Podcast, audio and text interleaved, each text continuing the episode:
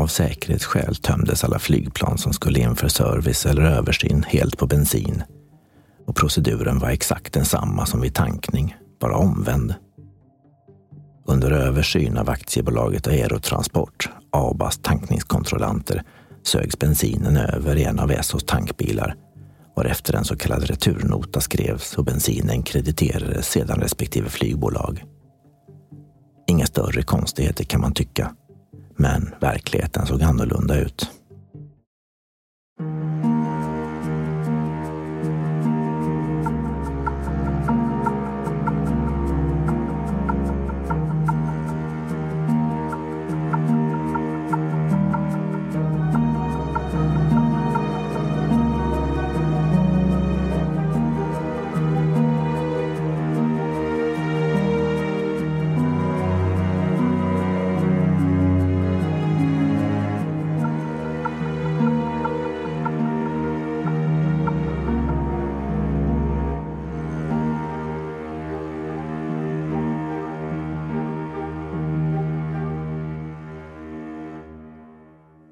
Varje tid har sina brott och varje brott har sin tid.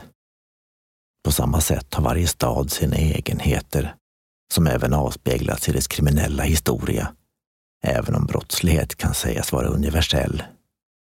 Den här podcasten kommer till mångt och mycket att handla om händelser som utspelade sig i Stockholm under 1950 och 60-talen. En tid som på många sätt var olik vår egen, men på andra nästan helt identisk. Det gamla Stockholm var på väg bort.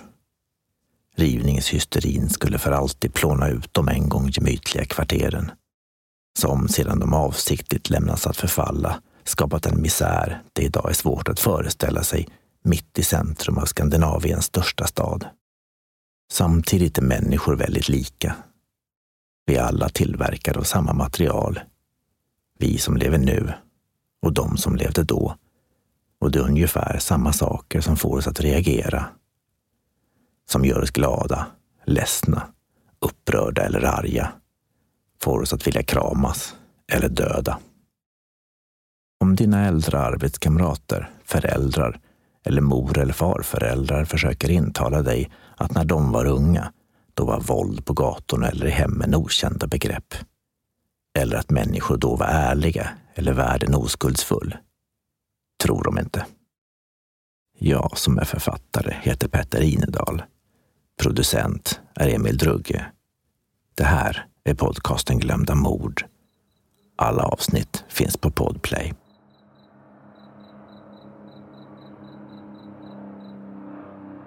Klockan två på natten den 16 oktober 1949 kommer ett anonymt telefonsamtal till polisen en man med raspigt förställd röst meddelar att en personbil med registreringsnummer A21895 står innanför K-porten på Bromma flygplats och tankar flygbensin under misstänkta omständigheter. När den snabbt utsända polispatrullen kommer dit finner de samma bil parkerad utanför grindarna, men ingen förare i sikte.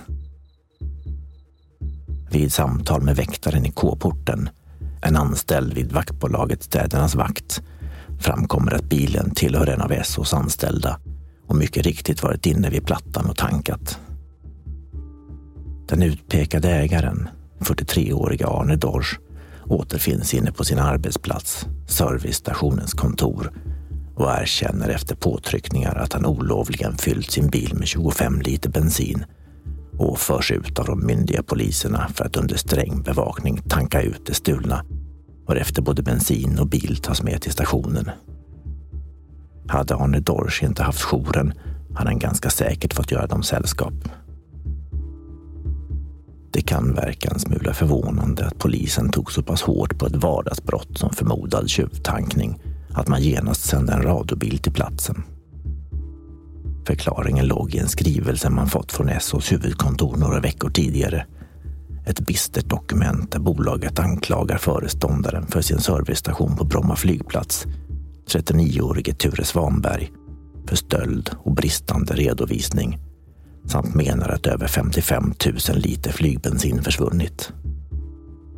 En stor mängd förvisso, Men den verkliga anledningen till myndigheternas raska ingripande låg snarare i det faktum att bensinen var ransonerad och att ransoneringsbrott ansågs betydligt allvarligare än stöld. Redan kort efter krigsslutet 1945 hade bensinransoneringen upphävts till glädje för en befolkning som fått hålla till godo med cykel eller de otympliga och dyra gengasaggregaten. Men svenskarnas bensintörst måste varit av grövsta slaget. I samma nationalekonomiska anda som sedan medeltiden försökt lägga band på allt för stor handel med utlandet återinfördes därför ransoneringen av bensin i april 1948 och skulle komma att vara till den 12 november 1949 med allt vad detta innebär av förnyat ransoneringskortkrångel och svarta börsaffärer. Att ransoneringen var impopulär behöver troligen inte nämnas och bensin förvandlades över en natt från vardagsvara till någonting högst åtråvärt. Hamstring förekom allmänt och de som kunde tog till långtgående knep för att komma runt kupongtvånget och de knappa ransonerna. Och inte alls bara privatpersoner. Bland annat gjorde Scandinavian Airlines System, SAS, som fått generös tilldelning av flygbensin men enligt eget förmenande allt för knapp av vanlig motorbensin en hemlig överenskommelse med Esso om att tusentals liter flygbensin i omgångar skulle levereras till Rådings garage på Rådmansgatan 54 där man sedan kunde tanka sina bilar och bussar utan att behöva lämna kuponger.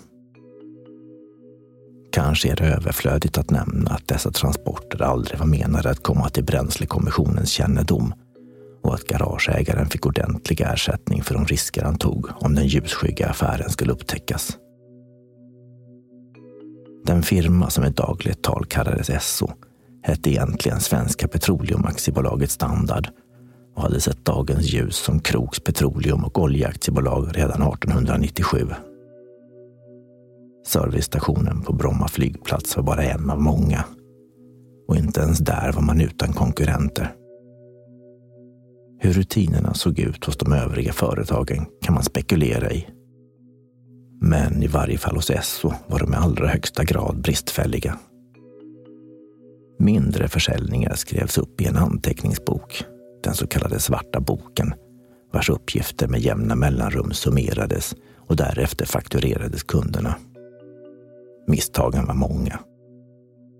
Det hände fler än en gång att kunder tog kontakt och påpekade att tankningar glömts bort och vid åtskilliga tillfällen missade de stressade tankningsmännen att skriva upp planens registreringsnummer med följd att det senare blev minst sagt vanskligt att ta reda på vem som skulle betala.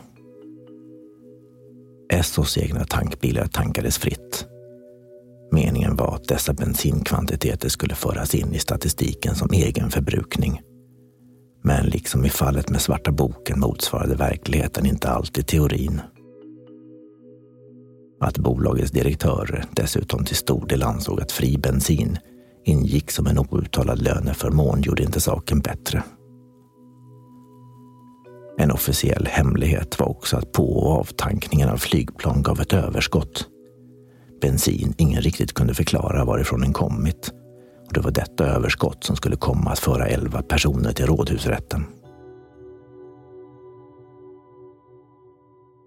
Om man på huvudkontoret, som senare skulle hävdas, svävade i total okunnighet om bensinöverskottet så var servicemännen på Bromma flygplats i gengäld desto mer insatta i ämnet. Ett poddtips från Podplay. I podden Något Kaiko garanterar östgötarna Brutti och jag, Davva, dig en stor dos skratt. Där följer jag pladask för köttätandet igen. Man är lite som en jävla vampyr. Man har fått lite blodsmak och då måste man ha mer. Udda spaningar, fängslande anekdoter och en och annan arg rant. Jag måste ha mitt kaffe på morgonen för annars är jag ingen trevlig människa. Då är du ingen trevlig människa, punkt. Något Kaiko, hör du på Podplay. Därför är gardinerna. Hur detta märkliga överskott egentligen uppstod fanns flera teorier om och polisens undersökningar skulle peka på ett otal faktorer som alla samverkat. Felaktiga mätare och mätstickor var ett par. Men det största överskottet visade sig komma via avtankningen. Av säkerhetsskäl tömdes alla flygplan som skulle in för service eller översyn helt på bensin och proceduren var exakt densamma som vid tankning, bara omvänd. Under översyn av aktiebolaget Aerotransport, ABAs tankningskontrollanter, sögs bensinen över i en av Essos tankbilar varefter en så kallad returnota skrevs och bensinen krediterades sedan respektive flygbolag. Inga större konstigheter kan man tycka, men verkligheten såg annorlunda ut. Av praktiska skäl ville ABAs tankningskontrollanter, vilka även hade hand om SAS flygplan, att den avtankade bensinmängden skulle stämma med den mängd de själva fått fram genom att avläsa bensinmätarna och jämföra med planets loggbok. Varför SOs anställda beordrades att oavsett verklig mängd aldrig skriva returnotor på mer bensin än ABAns kontrollanten kommit fram till.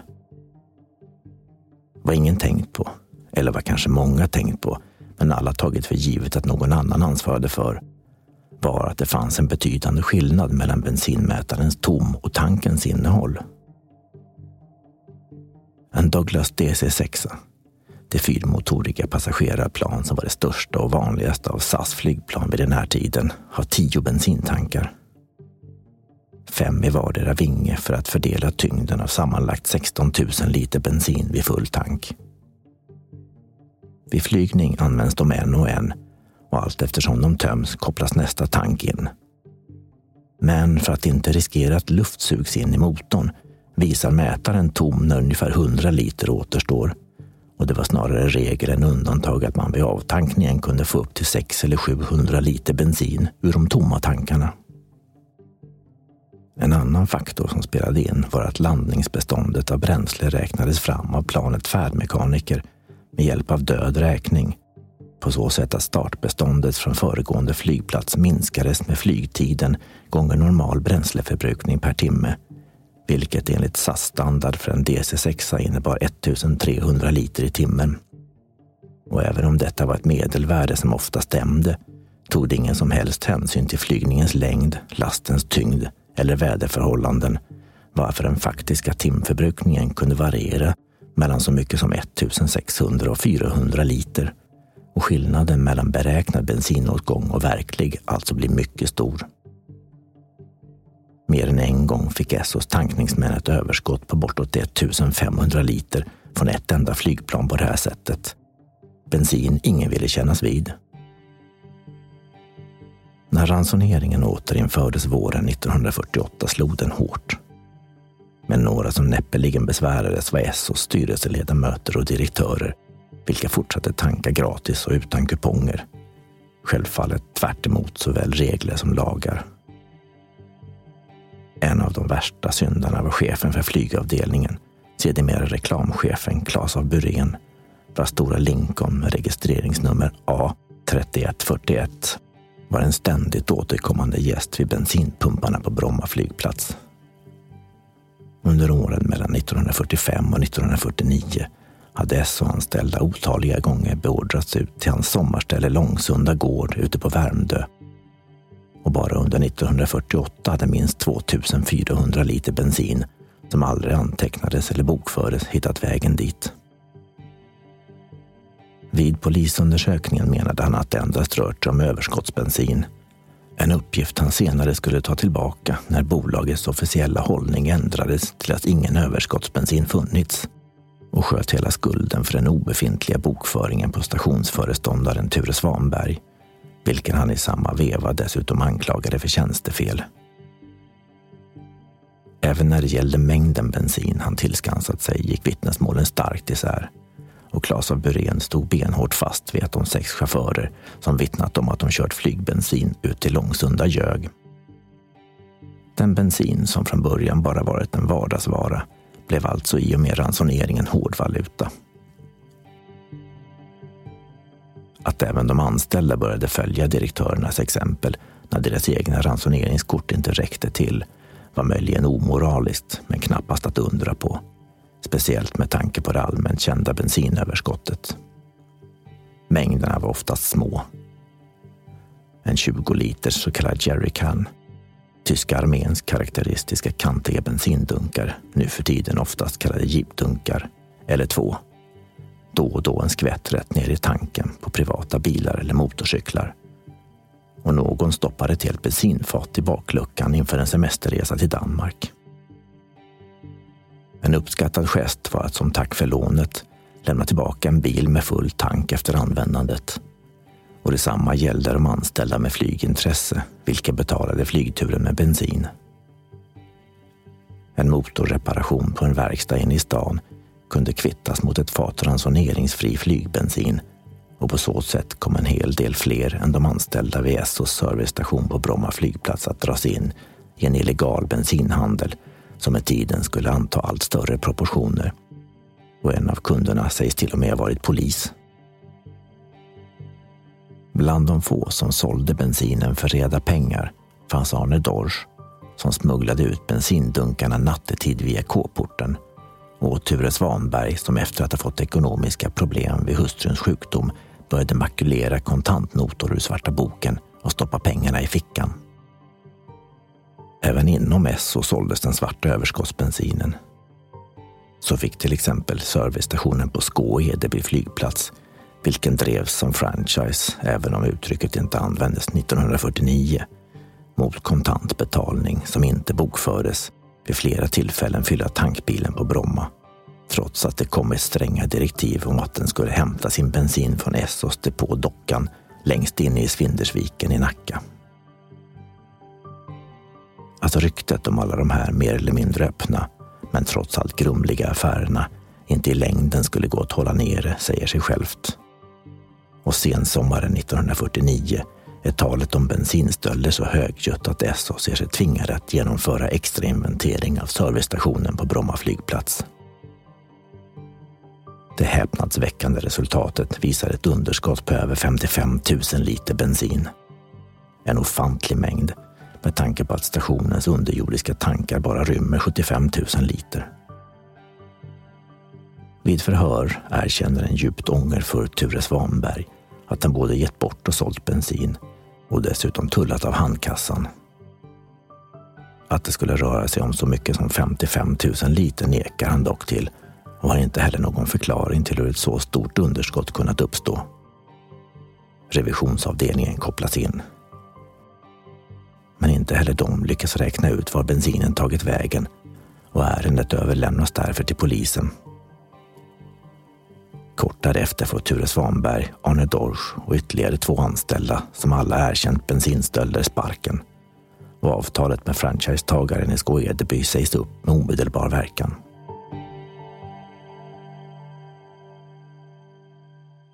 Av förståeliga skäl blir polisutredningen både komplicerad och långdragen. Över 70 personer förhörs och sammanlagt 11 skulle i slutändan åtalas. Symptomatiskt nog ingen av direktörerna. Claes av Burén skulle till och med få ett fribrev av Essos VD Knut Gesson Bergstrand där han förklarar att de stora mängderna flygbensin godkänns av honom i efterhand och att de används för representation att 55 000 liter bensin av ett sammanlagt lager på 75 000 liter skulle försvunnit utan att någon märkte och i så fall endast lämnat ett par dagars förbrukning kvar var ett påstående polisen redan från början ställde sig tvivlande till. Och utredningen är också en svidande kritik, inte bara av SOs rutiner utan även av bolagets internutredning. Det faktiska svinnet bantas av polisen ner till endast 10 000 liter men med tanke på att alla beräkningar, både SOS och polisen, baserats på ytterst lösa uppgifter ser man sig föranlåten att påpeka att man inte med säkerhet kunnat konstatera att något svinn överhuvudtaget förekommit. En högst anmärkningsvärd kommentar med tanke på att elva personer trots detta blev åtalade. Förutom de tidigare nämnda felaktiga bensinmätarna på tankbilarnas pumpar där flera saknar luftavskiljare och därför gett grovt missvisande utslag, felaktiga mätstickor, svårigheten att manuellt pejla bensinbeståndet i en DC6 alla tankar, visade sig att en av de underjordiska tankarna haft ett hål som läckt ut en okänd mängd bensin i den omgivande marken. Hur mycket överskottsbensin som förekommit går man också bet på att beräkna och påpekar dessutom att svinnet fortsatt även sedan de som erkänt stölderna fått sparken. Ingen av de åtalade var tidigare straffad för brott. Och en av polisens förundersökare uttalade öppet att han ansåg det inträffade ha berott på missförhållanden vid företaget och inte på brottsligt uppsåt hos de inblandade. Faktum kvarstod dock att bensin försvunnit och att ett flertal SO-anställda erkänt olagliga handlingar. Vid två rättegångar sommaren 1951 frikänns tre av de åtalade medan övriga åtta döms till villkorliga fängelsestraff varierande mellan tre månader och ett år. Vid det laget hade såväl ABA som SAS och SO skärpt sina rutiner betydligt och ransoneringseländet dessutom upphört. Hur direktörerna fick sin bensin i fortsättningen förtäljer inte historien. I nästa avsnitt handlar det om när Expressens reporter Maffe Sundqvist fick ett till synes oskyldigt besök. Det tar en stund innan det går upp för honom att det är en mördare som sitter i stolen mitt emot.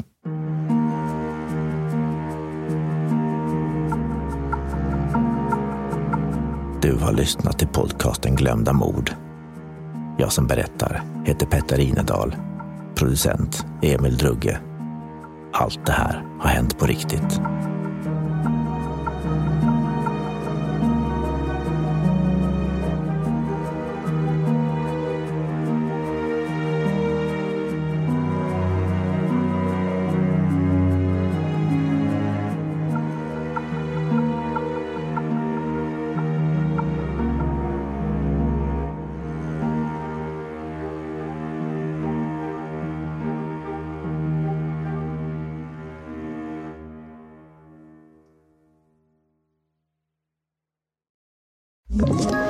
Ett poddtips från Podplay.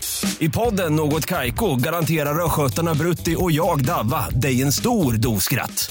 Där följer jag pladask för köttätandet igen. Man är lite som en jävla vampyr. Man har fått lite blodsmak och då måste man ha mer.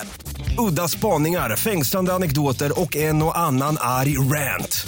Jag måste ha mitt kaffe på morgonen för annars är jag ingen trevlig människa. Då är du ingen trevlig människa, punkt. Något Kaiko, hör du på Podplay. Därför är gardinerna.